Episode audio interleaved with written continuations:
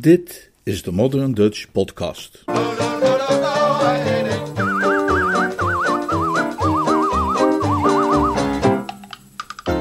Alles goed met bingo.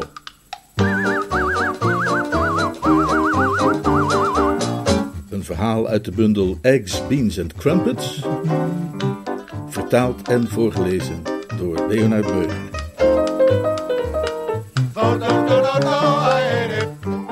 Dit is het tweede en laatste deel van dit verhaal. Stop playing those crazy things, crazy world with a crazy swing. I've got those bones rodeo blues. Stop Korte inhoud van het voorafgaande. Een lid van de Drones Club klaagt over Bingo Little die te vaak luidkeels zingt. Een van de andere leden vertelt het volgende verhaal om uit te leggen dat Bingo zo vrolijk is omdat hij ternauwernood is ontsnapt aan huiselijke problemen. Bingo's vrouw, de bekende romanschrijfster Rosie M. Banks, had Bingo namelijk gevraagd om naar Monte Carlo te gaan om couleur lokaal te verzamelen die ze wilde gebruiken voor haar volgende roman. Als hij daar is, wil Bingo natuurlijk spelen in het casino. Maar Rosie, de kostwinner van het huishouden, wil niet dat hij gokt. In plaats van hem geld te geven, betaalt ze alle reiskosten per bank vooruit, zodat Bingo niet in de verleiding zal komen. Teleurgesteld arriveert Bingo in Monte Carlo, maar ontdekt daar dat het rijke droneslid Oefie Prosser daar ook verblijft. Hij fetteert Oefie bij de lunch, maar Oefie blijft weigeren Bingo geld te lenen. In plaats daarvan geeft hij Bingo de tip geld in te zetten op een bepaald paard en zorgt dat zijn boekmaker dat op krediet wil doen. Het paard verliest en Bingo is nu 10 pond verschuldigd aan die boekmaker, die dreigt dat Bingo een akelig ongeluk zal overkomen als hij niet binnen enkele dagen betaalt.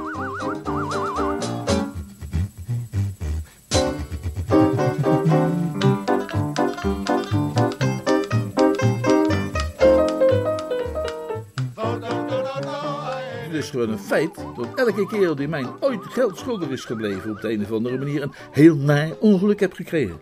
Ja, ik heb, ik heb dat keer op keer zien gebeuren. Herbert, zei de boekie, dit hier is Mr. Little. Bekijk hem maar even goed. Denk je dat je hem kunt herkennen? Herbert nam Bingo zorgvuldig op. De blik uit zijn ogen was koud en grijs als die van een papegaai. Jep, zei hij, jep, die vergeet ik niet. Mooi, zei de boekie. Dat is alles, Herbert. Dus wat de geld betreft, Mr. Little, daar maken wij dan vrijdag van. Ja? Zonder markeren, ja? Wankelend maakte Bingo dat hij wegkwam en ging op zoek naar Oefie. Oefie, beste kerel, zei hij, jij hebt het in je macht een mensenleven te redden. Ja, dat kan best zijn, maar dat ga ik niet doen, zei Oefie, die nu wel degelijk een van zijn dyspeptische hoofdpijnaanvallen had. Hoe minder mensenlevens er gered worden, hoe beter ik het vind. Ik gruw van het mensenras. Als het hele mensenras de Niagara-watervallen zou willen overvaren in een houten ton, dan vond ik het helemaal uitstekend. Maar als ik aanstaande vrijdag geen tien pond kan ophoesten, gaat er een, een gruwelijke engert die Urbert heet mij helemaal in elkaar slaan. Mooi zo, zei Oefie, enigszins opklarend. Geweldig, magnifiek, heel goed. Daarop nam Bingo de bus terug naar Monte Carlo. In een sombere stemming verkleedde hij zich die avond voor het diner. Hij kon het zonnetje niet ontdekken achter de wolken. Over drie maanden zou hij, als ieder kwartaal, zijn toelage krijgen. Maar veel zou hij daar niet aan hebben, want in veel minder dan drie maanden zou hij, wanneer hij de boodschap in Urbert's blik correct had geïnterpreteerd, in een ziekenhuis of verpleeginrichting verblijven, van onder tot boven voorzien van hechtingen. Hoeveel hechtingen zou alleen de tijd kunnen uitwijzen. Ook peinsde hij over Wotherspoon. Hij vroeg zich af of het zijn lot was het ongekend niveau van treurnis bij die roodbesnoeide figuur persoonlijk nog te overtreffen. Zijn gedachten verbleven nog geheel bij die sombere toekomstperspectieven toen de telefoon ging. Hallo, Zei een vrouwenstem. is alles goed met jou, Rosie? Ik ben Rosie niet, zei Bingo. Dat het ook niet goed met hem ging, hield hij mij even voor zich. Ik ben Mr. Little. Oh, Mr. Little, neem mij niet kwalijk. U spreekt met Dora Spurgeon. Kan ik Rosie even spreken? Zij is er niet? Ah, Wilt u haar, wanneer ze thuis komt, dan zeggen dat ik met kennissen meega naar Corsica op hun jacht? We vertrekken over een uur, dus ik heb geen tijd meer om naar haar toe te komen. Wilt u haar daarom van mij groeten en tegen haar zeggen dat ik haar de broche toestuur? Broche? Ze heeft me haar broche uitgeleend toen ik uit Londen vertrok. Ik geloof dat het de broche is die u haar voor haar verjaardag hebt gegeven. Ze heeft op het hart gedrukt er toch vooral goed voor te zorgen. En op Corsica zou ik mij niet zo veilig mee voelen met al die struikrovers daar. Dus ik heb per aangetekende post naar het Hotel de Paris. Tot ziens, Mr. Little, ik moet gaan. Bingo legde de hoorn op de haak en ging op het bed zitten om hier eens goed over na te denken. Tot op zekere hoogte was de situatie hem duidelijk. Dora Spurgeon, een vage wollebol van de ergste soort, was kennelijk onder de indruk dat Mrs. Bingo met hem meegekomen was naar Monte Carlo. Ongetwijfeld had Mrs. Bingo door de telefoon glashelder uit de doeken gedaan dat zij in Londen zou blijven. Maar om dingen door de dikke schedel van Dora Spurgeon heen te laten dringen, was het gesproken woord niet voldoende. Daar had je een hamer voor nodig. Het resultaat was dat de broche die hij Mrs. Bingo had gegeven, de volgende ochtend in zijn hotel zou arriveren. Tot zover was er, zoals ik zeg, niets dat Bingo al te zeer aan het denken zette. Maar waar hij maar niet met zichzelf over uitkwam, was dit. Zou hij, nadat hij die broche naar de lommerd had gebracht, het geld meteen naar die boekmaker brengen, of zou hij eerst nog proberen zijn slag te slaan in het casino? Tot in het holst van de nacht piekerde hij daarover, zonder tot een besluit te komen. Maar de volgende ochtend leek alles hem opeens helder en klaar, zoals zo vaak het geval is wanneer men ergens een nachtje over heeft geslapen. En verbaasde hij zich over zijn nachtelijke twijfels. Natuurlijk moest hij eerst zijn slag gaan slaan in het casino. Wanneer hij het geld naar de boekmaker zou brengen, zou dat weliswaar de duistere schaduw van Urbot verdrijven, maar het zou geen tevredenheid en geluk brengen in het huisgezin. Als Mrs. Bingo ontdekte dat hij haar broche naar Omian had gebracht om een gokschuld te kunnen afbetalen, zou daar ongetwijfeld oneenigheid uit voortvloeien.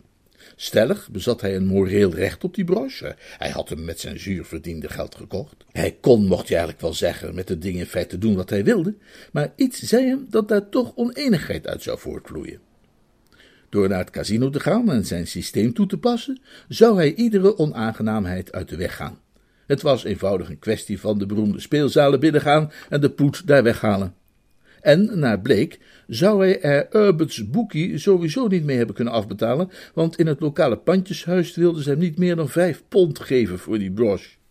Hij smeekte hartstochtelijk om meer, maar de knaap achter de toonbank was onvermurfbaar. Dus, hij stak de vijf pond in zijn zak, lunchte karig in een kroegje op de heuvel en even na tweeën stond hij in de arena om zijn kunsten te vertonen. Dat systeem van bingo heb ik eigenlijk nooit helemaal leren begrijpen. Hij heeft het me wel tien keer uitgelegd, maar het is me altijd vaag gebleven. De basis ervan evenwel, en wat het zo buitengewoon ingenieus maakte, was dat in plaats van je inzet te verdubbelen wanneer je verloor, zoals bij al die andere systemen, je in zijn systeem je inzet juist moest verdubbelen wanneer je won. Er was een hoop ingewikkeld gedoe bij nodig met potlood en papier, want je moest getallen opschrijven en er andere bij optellen of juist weer doorstrepen.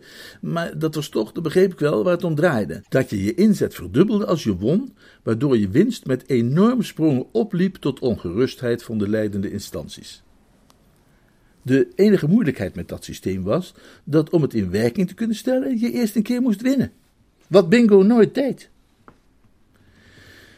Ik geloof dat er niets of niemand bestaat, Oefie Prosser meegerekend, met een akeliger karakter dan het roulettewiel in Monte Carlo.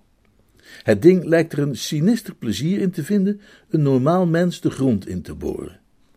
Je kunt urenlang denkbeeldig meespelen zonder ooit te verliezen, maar zodra je een keer echt geld inzet, verandert het hele aanzien van dat ding.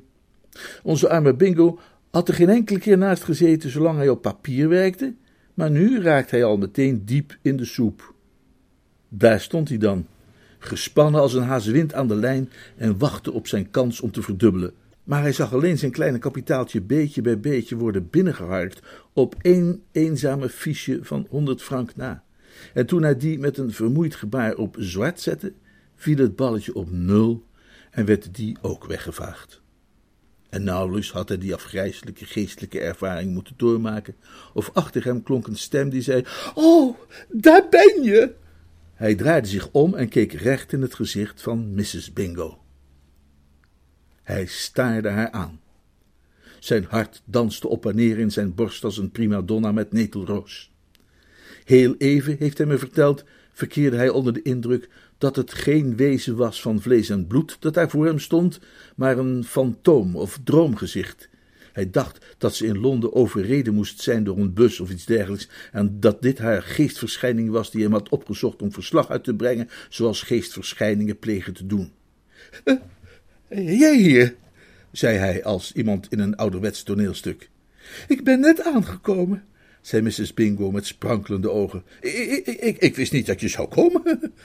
Ik wilde je verrassen, zei Mrs. Bingo, nog helemaal vol vrolijke opgewondenheid. Weet je, wat er gebeurde, was dat ik het met Millie Pringle over mijn boek had, en toen zij zei dat het helemaal geen zin had om couleur lokaal te verzamelen over de speelzalen in het casino, omdat een man als Lord Peter Shibborn nooit naar het casino gaat. Die zou altijd gaan spelen in de sportingclub. En ik wilde jou juist een telegram sturen om te zeggen dat je daar dan heen moest gaan. Toen Mrs. Carrie Melrose Bob op straat uitgleed over een bananenschil en haar enkel verstuikte, zodat die lunch werd uitgesteld en er dus niets meer was dat mij in de weg stond om hierheen te komen. Dus kwam ik hierheen. Oh, oh Bingo, liefste, is dit niet dolletjes? Bingo huiverde van zijn strikje tot zijn sokken. Het woord dolletjes was niet het woord dat hij zelf zou hebben gekozen. Het was op dat moment dat Mrs. Bingo eigenlijk pas leek op te merken dat haar geliefde echtgenoot eruit zag als een lijk dat een dag of twee in de regen heeft gelegen. Oh, Bingo, riep ze uit, wat is er met jou aan de hand? Oh, niets hoor, zei Bingo, niets. Uh, hoezo aan de hand? Uh, wat bedoel je? Oh, maar je ziet eruit. Een scheut van echtelijk wantrouwen doortrok Mrs. Bingo. Ze keek hem onderzoekend aan. Je bent toch niet aan het gokken geweest? Nee, nee, zei Bingo. Bingo is iemand die altijd heel precies is geweest in zijn manier van uitdrukken. En het woord gokken hield naar zijn mening in dat een mens daarbij een kans moest hebben om iets te winnen. Alles wat hij gedaan had, zo voelde hij dat, was dat hij wat geld had genomen en dat aan de leiding van het instituut had overhandigd. Ja, dat, kun je eigenlijk geen gokken noemen. Dat viel meer in dezelfde categorie als het doen van een donatie voor een of ander goed doel. Nee, nee, zei hij, absoluut niet. Daar ben ik heel blij om. Oh, tussen haakjes. In het hotel lag een briefje van Doris Spurgeon. Ze schreef dat ze mijn broche had teruggestuurd. Ik denk dat die vanmiddag dan wel aan zal komen. Alle moed die Bingo nog bezat, ontzonk hem. Dit moest wel haast het einde zijn. Alles was nu voorbij, vreesde hij, behalve het opstellen van de verklaringen waarin hij alles bekende. Juist beproefde hij in gedachten enkele openingszinnen, te beginnen met de woorden: Luister, liefje, toen zijn blik viel op de speeltafel, waar zich op zwart inmiddels een stapel fiches had verzameld, die bij elkaar niet minder waard was dan 3200 frank, of van de andere kant aangevlogen naar de toenmalige koers zo'n 40 ouderwetse ponden. Terwijl hij daarnaar staarde en zich afvroeg welke van de mazzelaars daar rond de tafel zo ontzettend op winst stond, kruiste zijn blik die van de croupier aan het hoofd van de tafel. Die croupier grijnslachte hem een felicitatie toe, zoals croupiers dat doen, die denken dat er voor hen misschien straks wel iets overschiet qua gulhartige fooi. En Bingo realiseerde zich sidderend van top tot teen opeens dat de verzamelde rijkdom daar hem toebehoorde. Het was het grotelijks aangegroeide provenu van die laatste honderd frank van hem. Wat hij namelijk vergeten was, snap je, was dat als het balletje op nul valt, iedereen die op cijfers, kolommen en wat al niet heeft gewet, de klos is, terwijl wat op gelijke kansen is ingezet, even niet wordt binnengeharkt, maar op de rand van het vak gezet. Die inzetten gaan zogenaamd en prison. Ik bedoel, die blijven voor die ronde even op de achtergrond en moeten op de volgende wachten. Dan kun je ze dus alsnog terugkrijgen of verliezen. Bingo's 100 francs hadden op zwart gestaan, dus Le Giro had ze en prison gezet. Daarna was het kennelijk weer zwart geworden, waardoor ze werden bevrijd. En daar hij ze niet had weggehaald, waren ze uiteraard op zwart blijven staan. En terwijl hij zo druk met Mrs. Bingo in gesprek was geweest over brosjes, was de roulette, die zich voorheen gedragen had als een soort mechanische oefie-prosser, opeens veranderd in een ware Sinterklaas. Nog zeven keer achter elkaar had Zwart daarna gewonnen. waardoor Bingo precies in de positie was gekomen die hij eigenlijk via zijn systeem had willen bereiken, namelijk door telkens te verdubbelen wat hij won.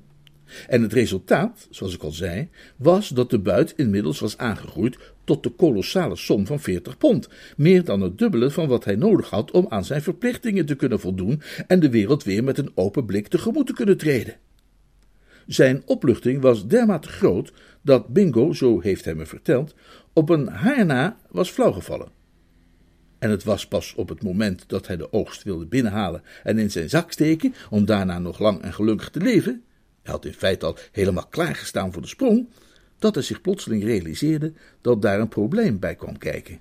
Dat er een valkuil was, namelijk dat als hij dat deed, alles zou worden ontdekt. Mrs. Bingo zou te weten komen dat hij had gegokt. Ze zou ook gauw genoeg weten te achterhalen waar het geld vandaan gekomen was waarmee hij gegokt had.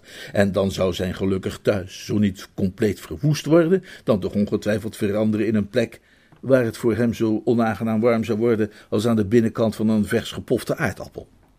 Maar als hij die dubloenen liet staan waar ze stonden, konden ze door de volgende draai van het roulettewiel eenvoudig door het gootsteengat worden gespoeld. Ik neem aan dat je de uitdrukking op de horens van een dilemma wel kent. Nou, dat was precies waar Bingo zich thans bevond.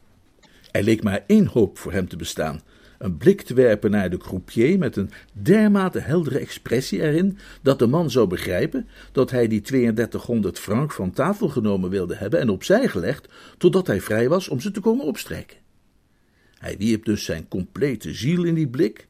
De croupier knikte intelligent naar hem terug en liet het geld op zijn plek liggen. Bingo, had hij eruit begrepen, had hem over willen brengen dat hij het hele bedrag nog een ronde wilde laten meespelen, en hij bewonderde hem om zijn sportieve instelling. Zachtjes zei hij iets tegen de andere croupier, ongetwijfeld calom of épatant of iets in die orde van grootte. En de roulette, die nu kennelijk definitief de rol had geaccepteerd van Bingo's rijke oom uit Australië, koos opnieuw voor zwart. Mrs. Bingo bestudeerde intussen de spelers. Ze had kennelijk niet veel met hen op. Wat een gruwelijke koppen hebben die lui, zei ze. Bingo gaf geen antwoord. Zijn eigen kop was op dat moment ook niet bepaald om over naar huis te schrijven. Hij leek meer op die van een demon bezeten door duivelse angsten dan wat ook. Hij staarde naar het ronddraaiende roulettewiel. Het werd nog een keer zwart, waardoor het totaal van zijn winst opliep tot 12.800 frank. En nu eindelijk leek het erop dat zijn gekwelde geest tot rust zou kunnen komen. Na een tweede grijnslag in zijn richting boog de croupier zich eindelijk voorover naar de stapel fiches en begon te harken. Ja, alles was nu in orde. Te elf uren had de onnozelaar begrepen wat hij met zijn blik bedoelde en gedaan wat nodig was. Bingo haalde diep en nog nasidderend adem. Hij voelde zich als iemand die door de vurige oven was gegaan en, hoewel hier en daar lichtelijk geschroeid, met een gerust hart weer helemaal opgewassen lijkt tegen de lasten die het leven met zich brengt. 12.800 frank. Goeie hemel, dat was meer dan 150 pop, meer dan hij ooit op enig moment bezeten had, meer zelfs dan hij bezeten had die ene keer met kerstmis drie jaar geleden, toen zijn oom Wilberforce zich heel Dickensiaans had getoond dankzij te veel citroenpunch en hem een cheque had gegeven, waarvan hij de uitbetaling de volgende dag tevergeefs had proberen tegen te houden. Er hing een benauwde lucht in de speelzalen, die je zou hebben kunnen snijden met een mes, maar hij zoog die in zijn longen alsof het de meest verfrissende ozon was. Vanaf het plafond leken er vogeltjes te fluiten en het was alsof er overal zachte muziek weer klonk. Maar daar spatte zijn hele wereld alweer aan stukken. De roulette was weer gaan draaien en daarop zwart lagen 12.000 frank.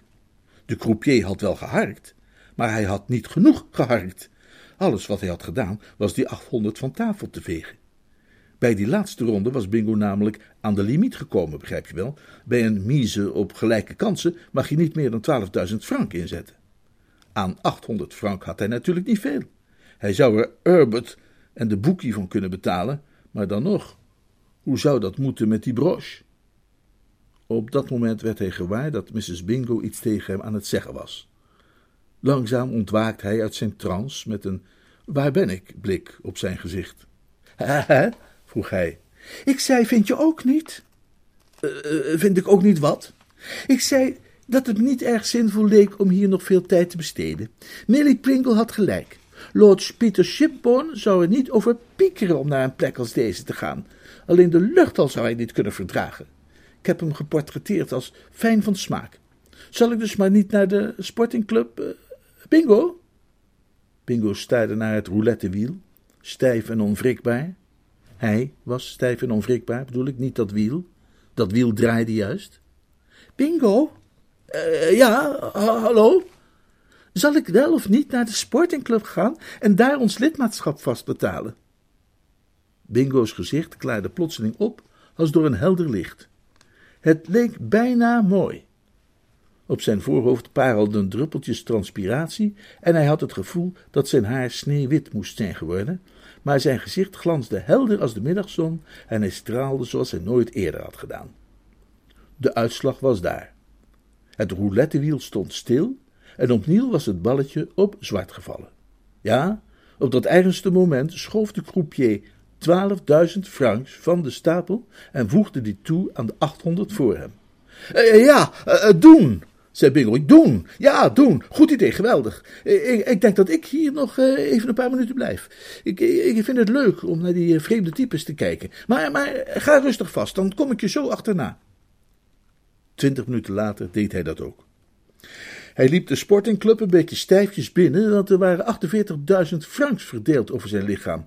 Voor een deel in zijn zakken, voor een deel in zijn sokken en dan ook nog een heleboel in zijn overhemd gepropt. Hij zag Mrs. Bingo niet direct, maar uiteindelijk vond hij haar in de bar achter een flesje Vitel. Hé daar, hé daar, zei hij, behoedzaam op haar afmanoeuvrerend. Daarna zweeg hij even, want haar hele houding kwam hem nogal eigenaardig voor. Haar gezicht was strak en verdrietig, haar ogen zagen dof. Ze keek hem merkwaardig aan en een gruwelijke vrees trof hem midscheeps.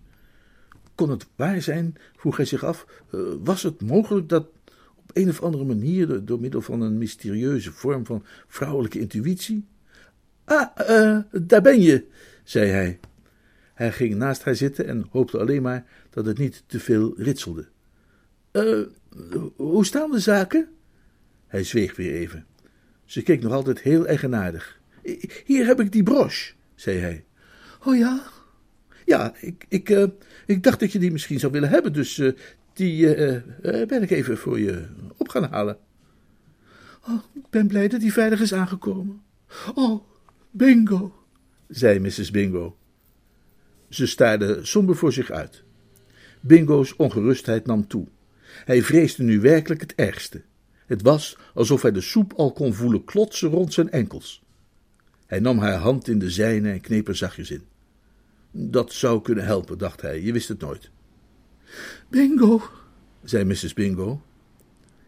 Wij vertellen elkaar toch altijd alles, ja toch? Uh, doen wij dat? Oh, nee, ja, tuurlijk, ja, ja, ja. Want toen wij gingen trouwen, waren we het erover eens dat dat de enige manier was. Ik weet nog dat jij dat zelf tegen mij gezegd hebt tijdens onze huwelijksreis. Ja, zei Bingo en bevochtigde zijn lippen met zijn tong. Hij verbaasde zich over de mate van wolhoofdigheid waartoe men kan afdalen tijdens zijn huwelijksreis. Ik zou het afschuwelijk vinden te moeten denken dat jij iets voor mij verborgen hield. Daar zou ik, daar zou ik mij vreselijk bij voelen. Ja, ja, maar natuurlijk, zei Bingo. Dus, als jij had gegokt, dan zou je me dat vertellen, ja toch? Bingo haalde diep adem. Het ritselde en kraakte ontzettend, maar daar was niets aan te doen. Hij had echt even lucht nodig. Bovendien, wat deed het ertoe wanneer hij ritselde en kraakte als een bosbrandje? Hij dacht terug aan de openingszinnen die hij eerder had geprepareerd. Uh, uh, luister, liefste, begon hij.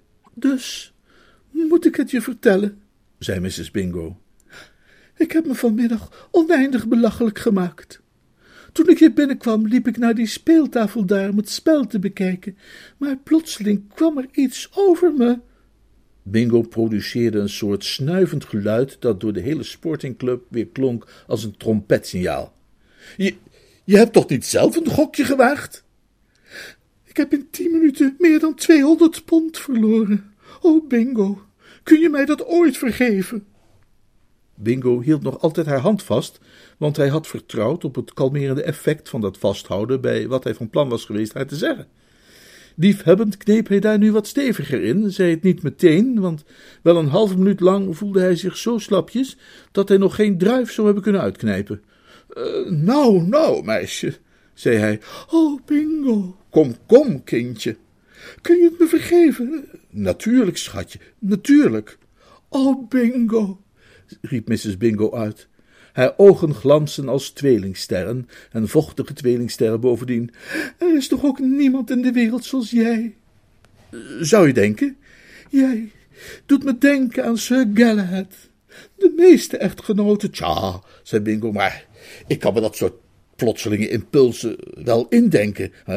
Ik heb er zelf geen last van, maar ik kan me daar best iets bij voorstellen. Eh, geen woord meer daarover nu. Lieve hemel, joh, wat is dat nu, een paar honderd pond, als jij daar een ogenblik plezier van hebt gehad. Zijn emoties werden hem bijna de baas. Zo krachtig zocht hij naar een uitweg. Hij wilde het wel uitschreeuwen, maar schreeuwen kon hij niet. De croupiers zouden er bezwaar tegen hebben gemaakt. Hij zou hiep hiep hoera willen roepen, maar hij kon geen hiep hiep hoera roepen, de barman zou het niet op prijs hebben gesteld. Hij zou wel willen zingen, maar hij kon niet zingen. Zou de klachten gekomen zijn van de klanten. Zijn oog viel op de fles Vitel. Ah, zei Bingo, liefste. Ja, mijn schat. Kijk, lieveling, zei Bingo, ik zet die fles zo neer, hè? En, en dan in volkomen evenwicht.